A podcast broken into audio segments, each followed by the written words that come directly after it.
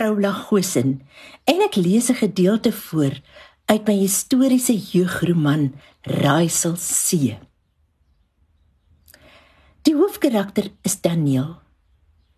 Sy pa was 'n skipsdokter, maar 4 jaar gelede het sy skip vergaan. En van toe af bly Daniel by sy dronklap oom oom Van wat hom dwing om te steel om vir drank te betaal. Toe Daniel 14 word, besluit hy om sy lewe te verander. En toe hy vir sy oom sê hy gaan nie meer steel nie, jaag oom Van hom uit die huis uit. Verward vlug Daniel in die rigting van Simonstad se hawe en daar doen hy iets vreesliks. Hy steel die hangertjie van 'n meisie in 'n rolstoel. Nou is dit aand. Hy oornag by die huis van sy vriend William en die se ouers wat vrygestelde slawe is. En hulle was nou net aan die etenstafel. Daniel is bly toe die gesels opdroog en hy later langs William onder 'n karos kan inkruip. In die donker haal hy die hangertjie uit sy sak en vou dit styf toe in sy palm.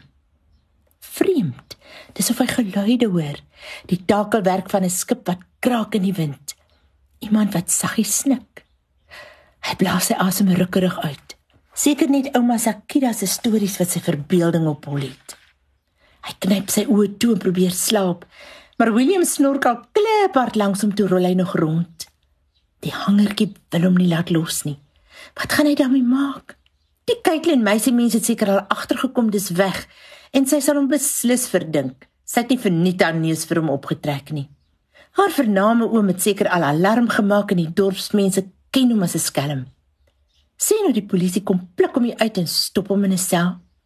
Sien hoe hy word ook opgehang soos sy pa. Gou is die karos klam van die sweet.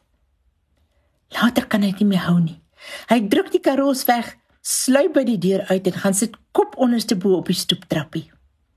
Die naglig is vars en die geur van kruisement in William se ma se kruietuin vul die lug.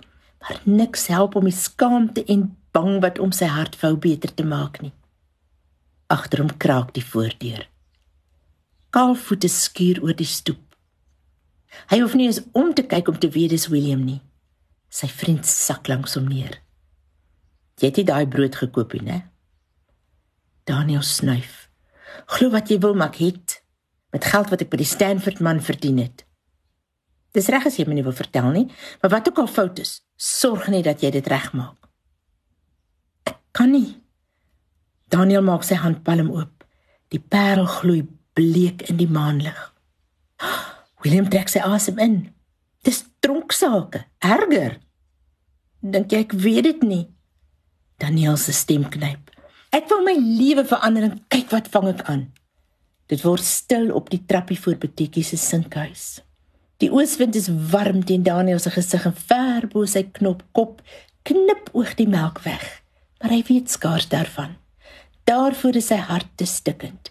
Hier in sy hand lê die bewys dat oom Van reg was. Hy sê juweel dief, net sy pa. Na ruk gee William hom 'n klopie op die skouer. Ouma Sakira sê altyd niks wat 'n mens aanvang is die einde van die wêreld nie. Solank jy dit net regmaak. Hy bly vir 'n rukkie stil voor hy byvoeg. Kos dit ook wat. Toe staan hy op, draai die deurknop en verdwyn in die donker huis. Daniel kreun en laat sak sy kop in sy hande.